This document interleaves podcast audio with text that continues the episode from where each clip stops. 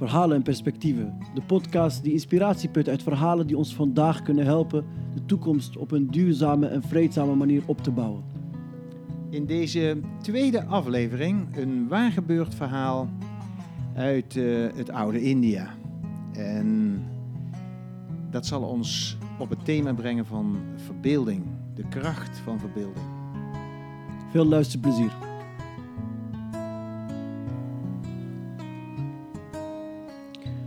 Goeiedag beste vrienden weer. Welkom bij Verhalen en Perspectieven. Ja, welkom allemaal.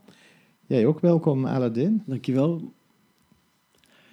Vandaag weer in Almere vanuit het Huis van Vrede. Mooi weer. Nog steeds heel mooi weer. Het is prachtig naar buiten. Ik kijk uit over het Joop den Uilplein, eh, park.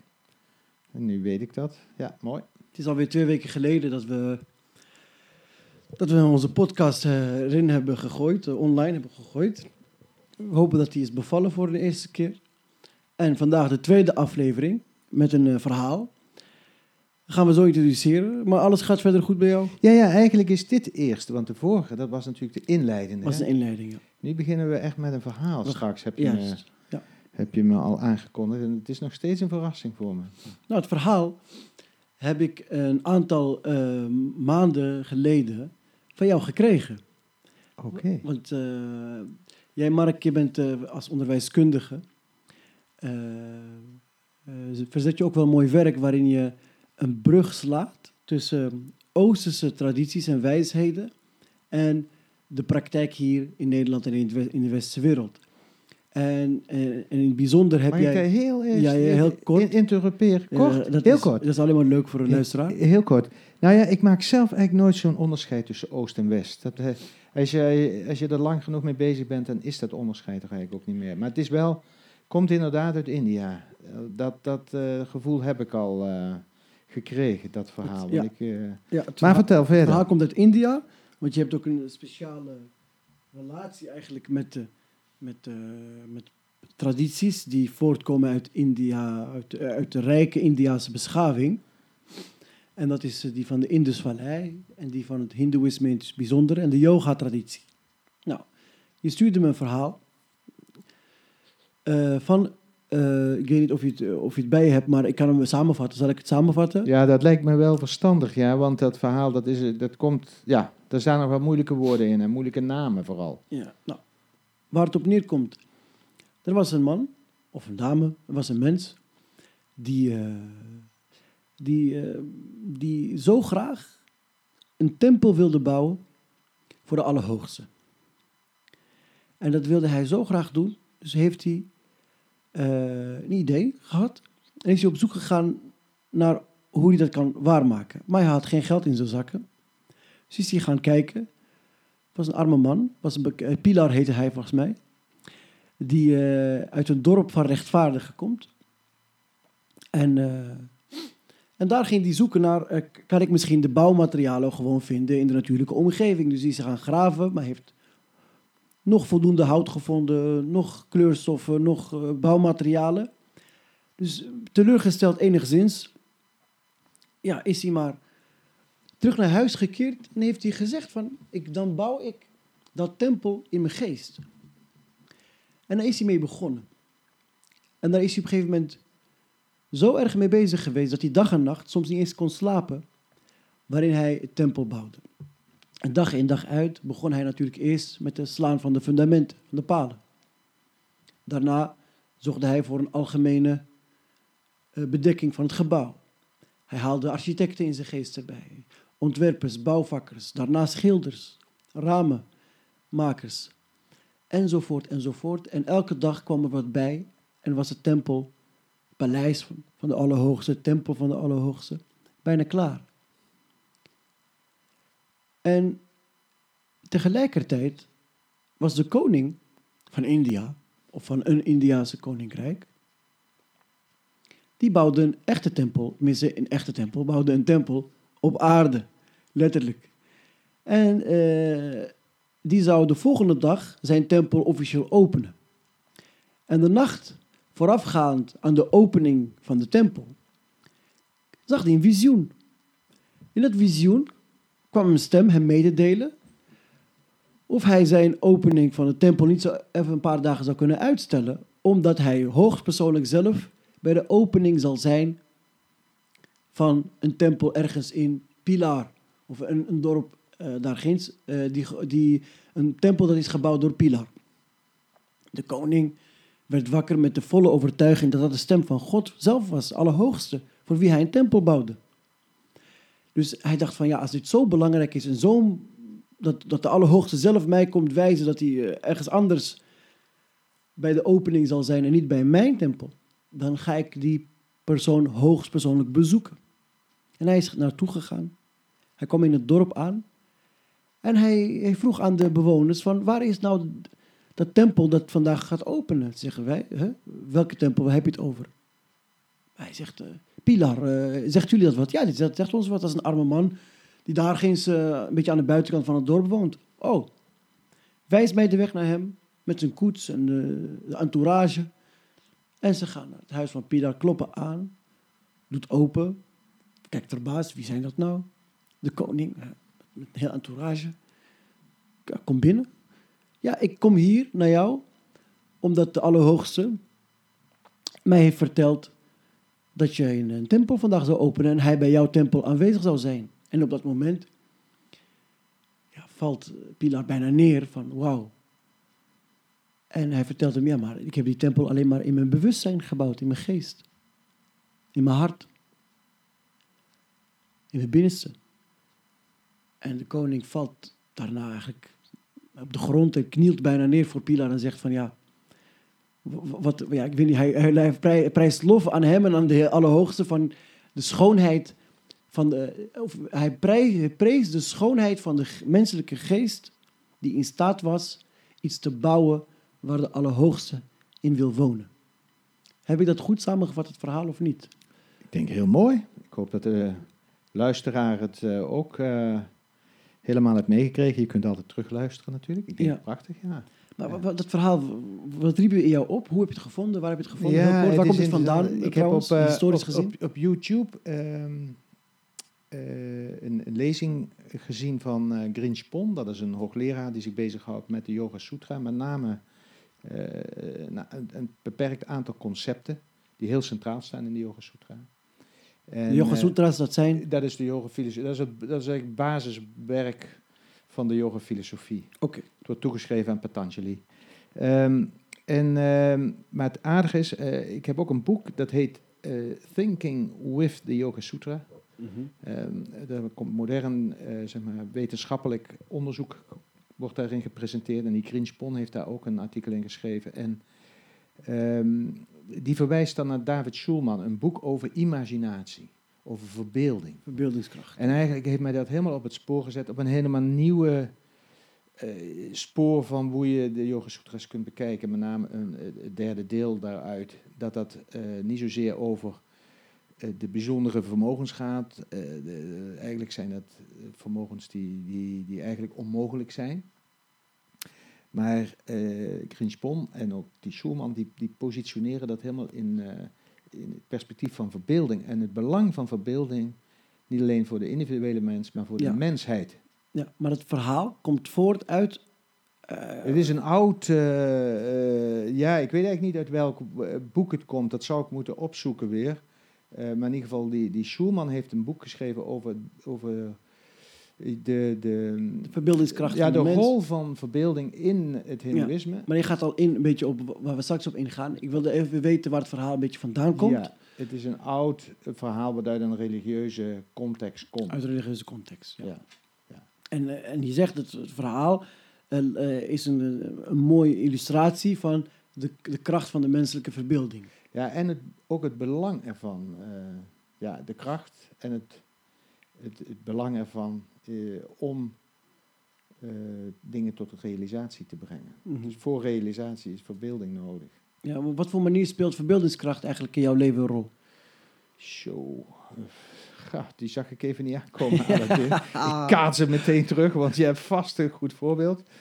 Um, ik, ik, ik, kom nog even terug op hoe het in ieder geval, als ik kijk naar mijn eigen studie van de yoga, uh. Uh, dan heeft, is, is, is verbeelding nog veel belangrijker dan ik voorheen dacht. ook zeg maar, hoe je yoga houdingen Want hoe dacht je voorheen over? Daar dacht ik toch dan meer over, oké, je hebt houdingen en je probeert die houding zo goed mogelijk te beoefenen bijvoorbeeld. Je hebt een ademhaling oefening en die probeer je zo goed mogelijk te doen. Maar door dit verhaal en eigenlijk de achterliggende mm, beschouwingen daarbij, eh, gaat eigenlijk verbeelding aan alles vooraf. Dus hoe je, dus zeg maar, je voorstelling van hoe je zou kunnen oefenen, maar dat geldt eigenlijk ook de voorstelling hoe je zou kunnen leven, of hoe een relatie eruit zou kunnen zien, of hoe een stad eruit kan zien, dat gaat aan alles vooraf. Mhm. Ergens wist ik dat wel, maar het kreeg nu op een hele nieuwe manier een invulling. Ja. Mhm. Ja, zo. En dat heeft, ik hou me vooral bezig met leren. Ben ik, ben ik ook, ook op dat vlak, hoe belangrijk verbeelding eigenlijk is in leerprocessen. Hoe belangrijk is het in leerprocessen dan? Ehm, in de zin van, eh, ik denk als je je een voorstelling kunt maken van wat je met het geleerde gaat doen of waarom je leert, dan gaat leren zoveel makkelijker, beter. Maar ook ehm, ga je er ook meer profijt van hebben. Overigens, nu je dit vraagt, schiet me dus een onderzoek te binnen van, van, van wat langer geleden. Maar er is Mhm. bijvoorbeeld onderzoek gedaan naar ehm, eh, juristen, maar ook artsen, meen ik, die eh, aan een eerstejaars studie begonnen. Mhm. En die Ja. eh, werd gevraagd, die, die, daar is onderzocht of ze een beeld hadden van het beroep wat ze, waarvoor ze eigenlijk studeerden. Hè. Het beroep van notaris, noem maar wat, of het beroep Mhm. van een bepaalde soort arts. En nu bleek dat studenten die daar een duidelijker beeld bij hadden, een duidelijke voorstelling bij, ook eigenlijk een, een, een hoger studierendement hadden. Dus die, hun studie eh, werkte als het ware, was een, een onderdeel van de realisatie van hun voorstelling, denk ik, Mhm. als je het zo ziet. Mhm. Dat heb ik toen niet zo, maar ik vond toen al wel een opvallend eh, onderzoek. Maar om verbeeldingskracht een beetje te, te, te, te vereenvoudigen. eh, ik denk dat alle mensen begaafd zijn met verbeeldingskracht. Je ziet het bij kinderen. Ze, ze spelen, ze springen over lava. Dat is gewoon, voor, wij zeggen dat is laminaat, maar voor hen is dat lava. Ja. De kussens zijn rotsen. De tafels eh, zijn bergen. Ah, zo ja. De schoenen zijn, eh, zijn eh, allerlei, ik weet niet, bouwstenen voor hun, voor hun paleis. De laken is het dak. Zonne-energie zit in de, in de pennen die ze er bovenop zeker. Maar ik geef een voorbeeld, hè. zonnepanelen. Dus dat is, Ja, het is eigenlijk heel Het is- natuurlijk. het is heel natuurlijk. Ja. Is het misschien, misschien ik, ik zie het zelf als een eigenschap van de mens. Een intrinsieke eigenschap, een karakteristiek, een kenmerk. Een, een van de belangrijkste competenties, vaardigheden van de mens. Eh, als we kijken naar het onderwijs, hè, in het algemeen of in de samenleving, in hoeverre eh, wordt, er, eh, wordt, dat, wordt die verbeeldingskracht gecultiveerd of verder gestimuleerd? Wat, wat, wat gebeurt er nou eigenlijk met de verbeeldingskracht van de mens over het algemeen genomen in onze samenleving? Ja, dat is wel een vraag als je het hebt over onderwijs in de volle breedte, is dat natuurlijk heel moeilijk te beantwoorden. ja. Dan is het een domme vraag, sorry. Dan, nee, dat is geen, geen domme vraag. Tussendoor, als de, als de luisteraar iets vreemde geluidjes hoort, dat kan, want ik drink ook af en toe een kopje thee. Ja. En, eh, en jij ook. een eh. glasje water en soms dus, eh, de kabel aan van de microfoon. Ja, ik denk wel, er zijn, ehm, als je, kijk, het is wel aardig dat je dit vraagt, want ehm, we hebben een, een Engelsman, die, die, die is dit jaar overleden. Eh, ik ben even zijn voornaam kwijt, maar hij heet ehm, eh, iets als Robinson. Ah, even, in het onderwijs wel bekend. Ken Robinson, Ken Robinson, ja. yes, van de Kort TED Talk bekend. Kort geleden, ja, maar daarvoor altijd een pleitbezorger van de verbeelding. En vooral eh, Creativity. van creativiteit. Ja. En eigenlijk als onmisbaar voor het onderwijs. Kijk, Ja. Ik denk dat er is wel een lijn als je het onderwijs heel erg inricht van veel moeten, veel verplichtingen, veel testen. ehm, dat dat wel iets doet met de creativiteit. Dat betekent niet dat er in, een, in lessen van, van sommige eh, docenten nog wel, wel wat vrije ruimte is. Maar ik denk dat het, eh, als je zo- zoveel te dichter je het, het onderwijs timmert, zeg maar, als je het helemaal dicht timmert, dan is er weinig ruimte voor verbeelding en creativiteit. Mhm. En dat zou volgens deze opvatting funest zijn. Want Ja. eigenlijk zou je een mens de ruimte willen geven in, om in zijn of haar leven iets te realiseren. Mhm. wat, ehm, eh, ja, wat van binnenuit komt. Maar eigenlijk werken, leven we dagelijks, werken we dagelijks met een verbeeldingskracht. Want bijvoorbeeld stel, eh, ik, wil een tomatensoep. Nou, die, die soep die is er nog niet, maar die heb ik, ik heb er een, een beeld van, een idee van hoe ik het opschenk of hoe ik, ervan, hoe ik het zie in een kom of in een schaal. Of hoe die tomatensoep vanavond eh, lekker genuttigd gaat worden met je vrienden of met je familie, noem maar op. Maar daarna er moeten toch wel wat ingrediënten gaan komen. Maar je hebt altijd het idee, dat beeld van je, heb je voor je. Dan haal je tomaten, dan haal je... Je kan zelfs het proces van het maken, Ja, we kunnen onze verbeelding niet uitschakelen. die kun je niet uitschakelen. Maar, nee, zeker niet. maar het lijkt alsof er eigenlijk een parallele wereld is. Tegelijkertijd heb je je verbeelding. En eh, in de mate waarin je eh, goed samenwerkt tussen verbeeldingskracht en wat je uiteindelijk in de materiële wereld doet, is het lijkt wel een begeleidend proces. Je, je ziet het in je hoofd, of je ziet het in jezelf. Je voelt het, je ruikt het, je, je, voelt het, ja, je ziet het. En dan ga je het ook doen. En, en, etappe voor etappe kom je. Maar het verschil is denk ik wel dat, dat, dat de verbeeldingskracht wel op een bepaalde manier eh,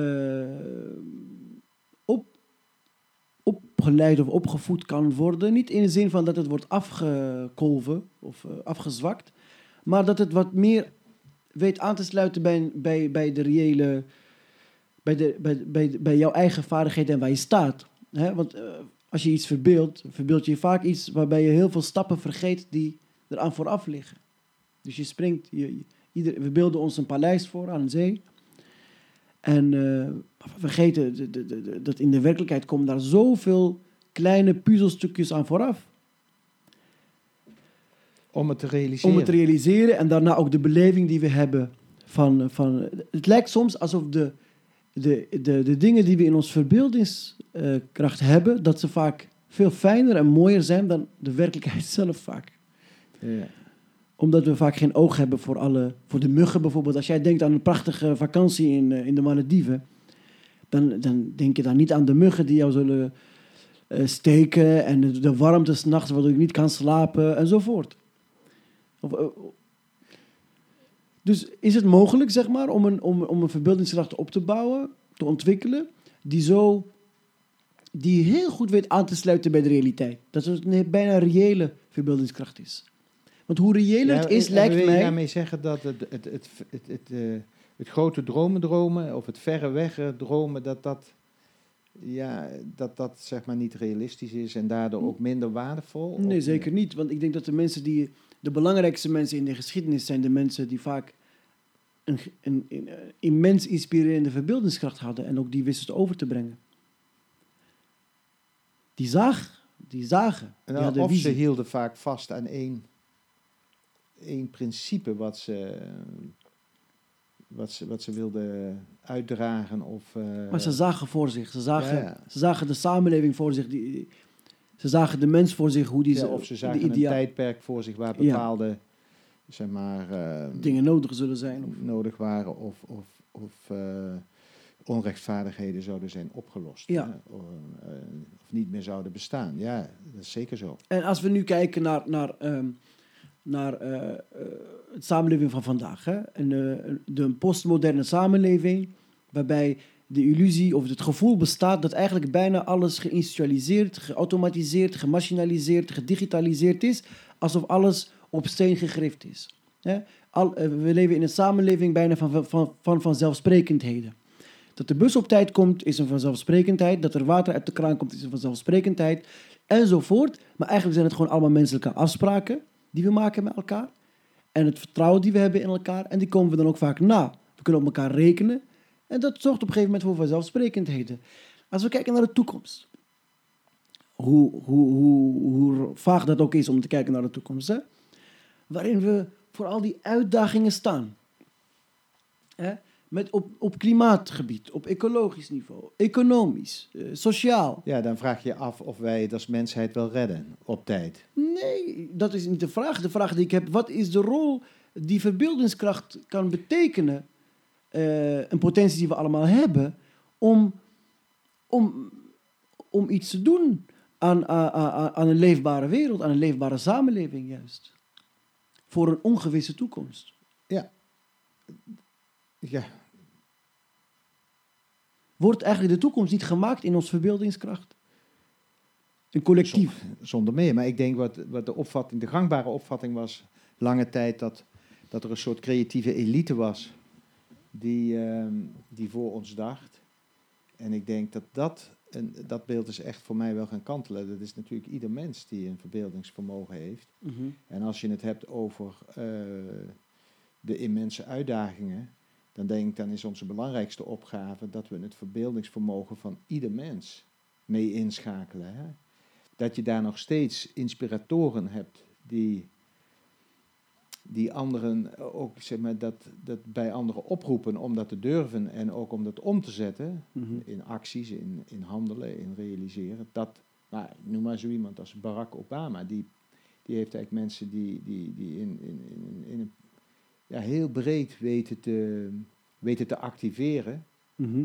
om eh, verantwoordelijkheid te nemen. Want eh, ook hier zou je kunnen zeggen, eh, verantwoordelijkheid en vrijheid, die gaan met elkaar samen. Of ja, als je- vrijheid betekent ook verantwoordelijkheid. Maar ik denk dat er zit nog een derde V en dat is wel het verbeeldingsvermogen. Mhm. Dat is ook, dat gaat ook met vrijheid en verantwoordelijkheid gepaard, dat je, we een betere wereld verbeelden en dat ook toelaten. Mhm. Ja, en dat ook eh, mededelen aan elkaar. Wat we daar graag in terugzien. En ook waar we het zelf kunnen realiseren, ook zelf doen. Mhm. Eh, en dat zou het onderwijs bij uitstek zeg maar, kunnen stimuleren. Mhm. Maar nu is het een beetje een omgekeerde wereld. Want eh, als we het hebben over parallele- parallele werkelijkheden, kan het onderwijs soms ook een beetje een parallele werkelijkheid worden. Hè? Hoe? Nou, in de zin dat je vooral dingen moet, waardoor het lijkt alsof het niet van jou is en niet voor jou is. Mhm. Dus dat je vooral dingen moet doen, kennis moet verwerven, wat anderen belangrijk vinden. Maar dat is, als je dat te lang eh, doet, natuurlijk is het niks erg. Het is niet verkeerd dat iemand anders je iets aanbeveelt of iets uitdaagt op een bepaald terrein. Maar er moet wel een verbinding zijn met eh, eh, zeg maar, ook het leven van de leerling. Mhm. Eh, en ook de ervaringen van de leerling. Als dat helemaal los gaat van elkaar gaat staan. Dan krijg je, dan krijg je dat je dus elke keer die, die weerzin krijgt som, bij sommigen eh, op school. Of uitval, eh, dat soort dingen. Die, die, die, die, die, die, die niet zozeer op de leerling individueel zijn terug te voeren vaak. Maar ook op wat we met elkaar als systeem Mhm. hebben Dat opgebouwd. zie je ook terug in bedrijven, organisaties. Ik was, ik was twee weken geleden in een, in een webinar, toevallig, nou, min of meer toch, uitgenodigd door een psychiater. En daar merk je dat een, het, het, het, het, het fenomeen trauma niet vanuit een individueel perspectief van iemand heeft een traumatische ervaring gehad en komt er niet mee klaar in het leven en het blijft terugkeren, maar dat het ook een collectief perspectief nodig heeft omdat heel veel trauma's zijn gerelateerd eh, aan, een, aan een gemeenschap, eh, aan, een, eh, aan een tijdsvak, aan een, en zijn ook eh, vergelijkbaar. Dus dat is, je kunt dat niet alleen maar individueel behandelen. Mhm. Je zult dat ook in de samenleving eh, eh, moeten aanpakken.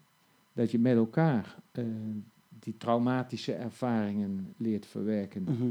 En leert omzetten naar iets eh, gezonds en positief weer. Als ik, wat, wat ook in mij oproept, als we het hebben over zo'n eh, zo'n onderwerp als, eh, als verbeeldingskracht, dan roept het in mij op dat, dat, dat, zijn, dat zijn competenties of vaardigheden die ons gelijk terugbrengen naar wat, is nou, wat zijn nou intrinsieke eigenschappen van de mens.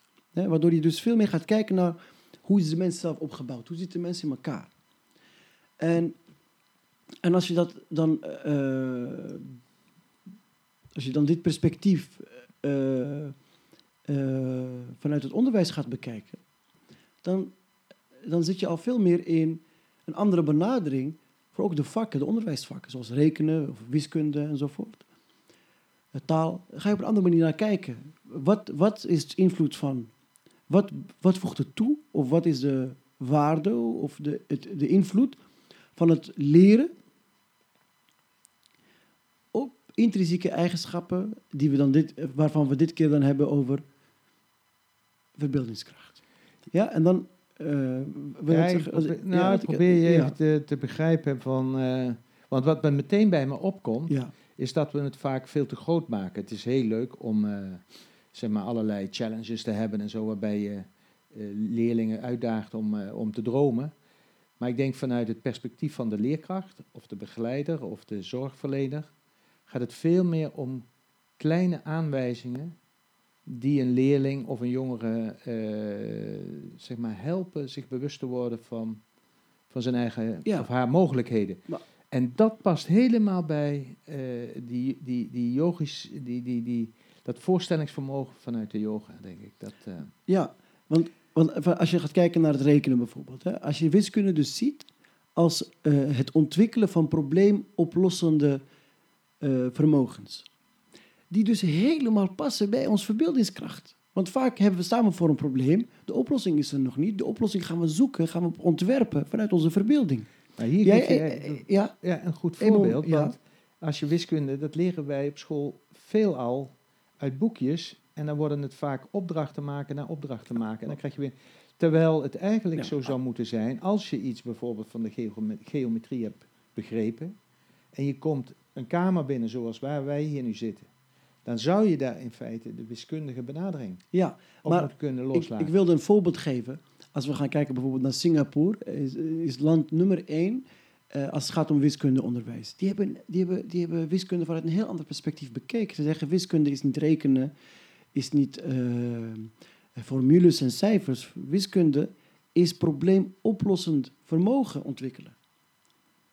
En eh, wat ik dus hierin terugzie, is dat er zijn dus cognitieve vaardigheden zoals wiskunde, wi- wi- wiskunde als, als taal, die eigenlijk een, een, een, eh, een kracht kunnen geven aan onze verbeeldingskracht. Andere woorden, van je, je, je, je, je leert rekenen en wiskunde om ervoor te zorgen dat jij in je verbeeldingskracht een, een instrument hebt of een, een vaardigheid hebt om daar binnenin problemen op te lossen. Als jij bijvoorbeeld taal ook vanuit zo'n perspectief bekijkt, dan krijgt het vooral de betekenis van hoe kun je ervoor zorgen dat je bepaalde elementen in je verbeelding kunt oproepen en kunt overbrengen zodat je hetzelfde oproept bij een ander. Het is natuurlijk niet een uitvinding wat ik zeg. Ook Ludwig Wittgenstein, Wittgenstein heeft het daar ook over gehad, bekende taalfilosoof.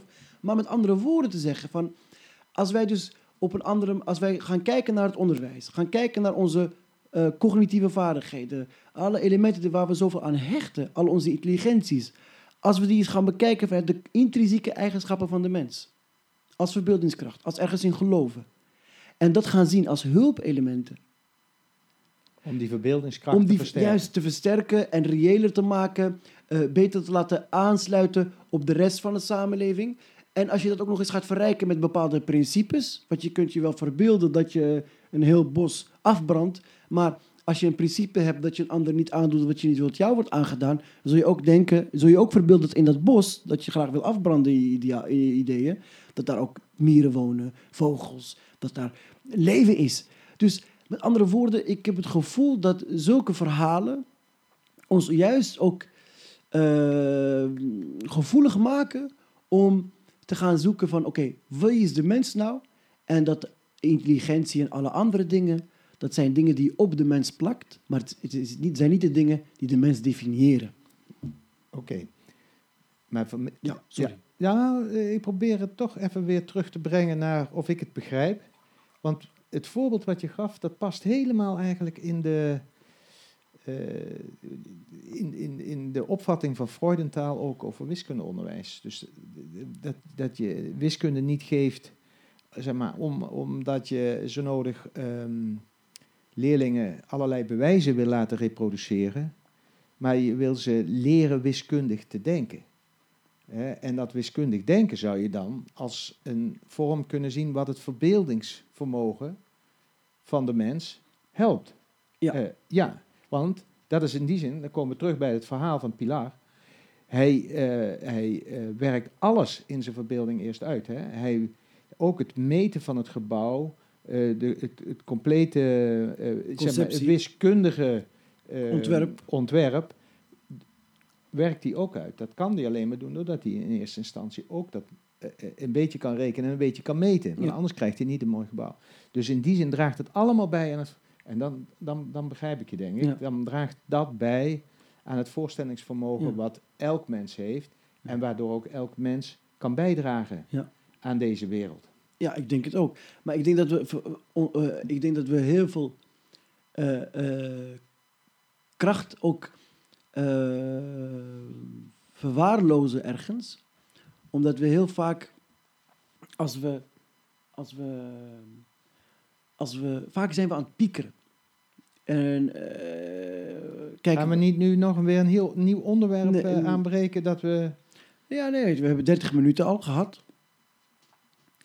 Ja, inderdaad, we zijn eigenlijk een beetje eh, tegen, ons, tegen het einde van onze bijeenkomst aan Misschien te wel, komen. ja, want ik vind het... eh, kijk, eigenlijk heb je ons gebracht op... eh, misschien moeten we weer eens kijken naar de, naar de oude vermogenspsychologie.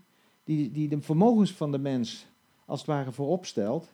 En zouden we daar nog eens een volgende keer op door kunnen zou gaan? kunnen, want ik, ik, ik denk dat er, dat er heel wat inzichten en wijsheid te vinden is in heel veel spirituele tradities. Want dit geldt natuurlijk ook voor het gevoelsleven. Hè? Het gevoels- Ge- geven we dat eigenlijk voldoende maar ruimte in Maar het ook in de zorg Ja. is immens belangrijk. Als je, gaat kijken, als je ziet dat de, me- de, ehm, los van puur mechanische lichamelijke problemen en aandoeningen, maar zelfs daar is er zeker een belangrijke rol bij herstel van patiënten in de mate waarin zij in staat zijn, of in ieder geval de kwaliteit van hun zorg of van hun leed, kan aanzienlijk versterkt en verhoogd worden in de mate waarin iemand zijn verbeeldingskracht weet aan te wenden om een heilzame sfeer voor zichzelf te creëren voor de anderen. En ook zeker bij problemen die psychologisch van aard zijn, waarin mensen in bepaalde visuele cirkels zitten, is de kunst ergens daar om die potentie die in elke mens verborgen ligt aan te boren. Die is eigenlijk al constant aan het werk. Maar dat die wakker wordt gemaakt, dat we daar bewust van worden en dat we die gaan benutten ten goede van een fijn leven, denk ik, voor ons allemaal. Dan zit je heel dicht bij wat ook in de yoga wordt bedoeld met voorstelling. Dus dat, je, dat, je, dat yoga niet zozeer iets is van oefenen op een matje, maar als je yoga in het dagelijks leven, dan gaat dat heel erg over wat jij hier beschrijft als ehm, ook de aanwijzing krijgen van iemand anders om dat leven je voor te stellen, om je, je eigen gezondheid eh, voor te stellen. Dat is, een, dat is wel de eerste stap vaak. Mooi, prachtig. Bedankt, Mark. Nou, Aladdin, het was weer heel eh, Was aangenaam om eh, hier in het Huis van Vrede met jou in gesprek te zijn. En, eh, Zeker. We hebben ruimte voor, video, voor audioboodschappen van, van de luisteraars. Die kunnen dat via anchor.fm. en we hebben de, de, de derde stoel. Hè? We, we laten stoel. heel graag ook iemand anders een keer aansluiten. Graag. Een keer, Ja. dat mag meerdere keren zelfs. Ja. Want als je maar een verhaal meebrengt, dat is Zeker verhaal weten. perspectief. Juist, Verhalen en perspectieven, daar gaan we mee. daar gaat het om. En, nou, bedankt voor het luisteren en tot de volgende keer. Tot de volgende keer.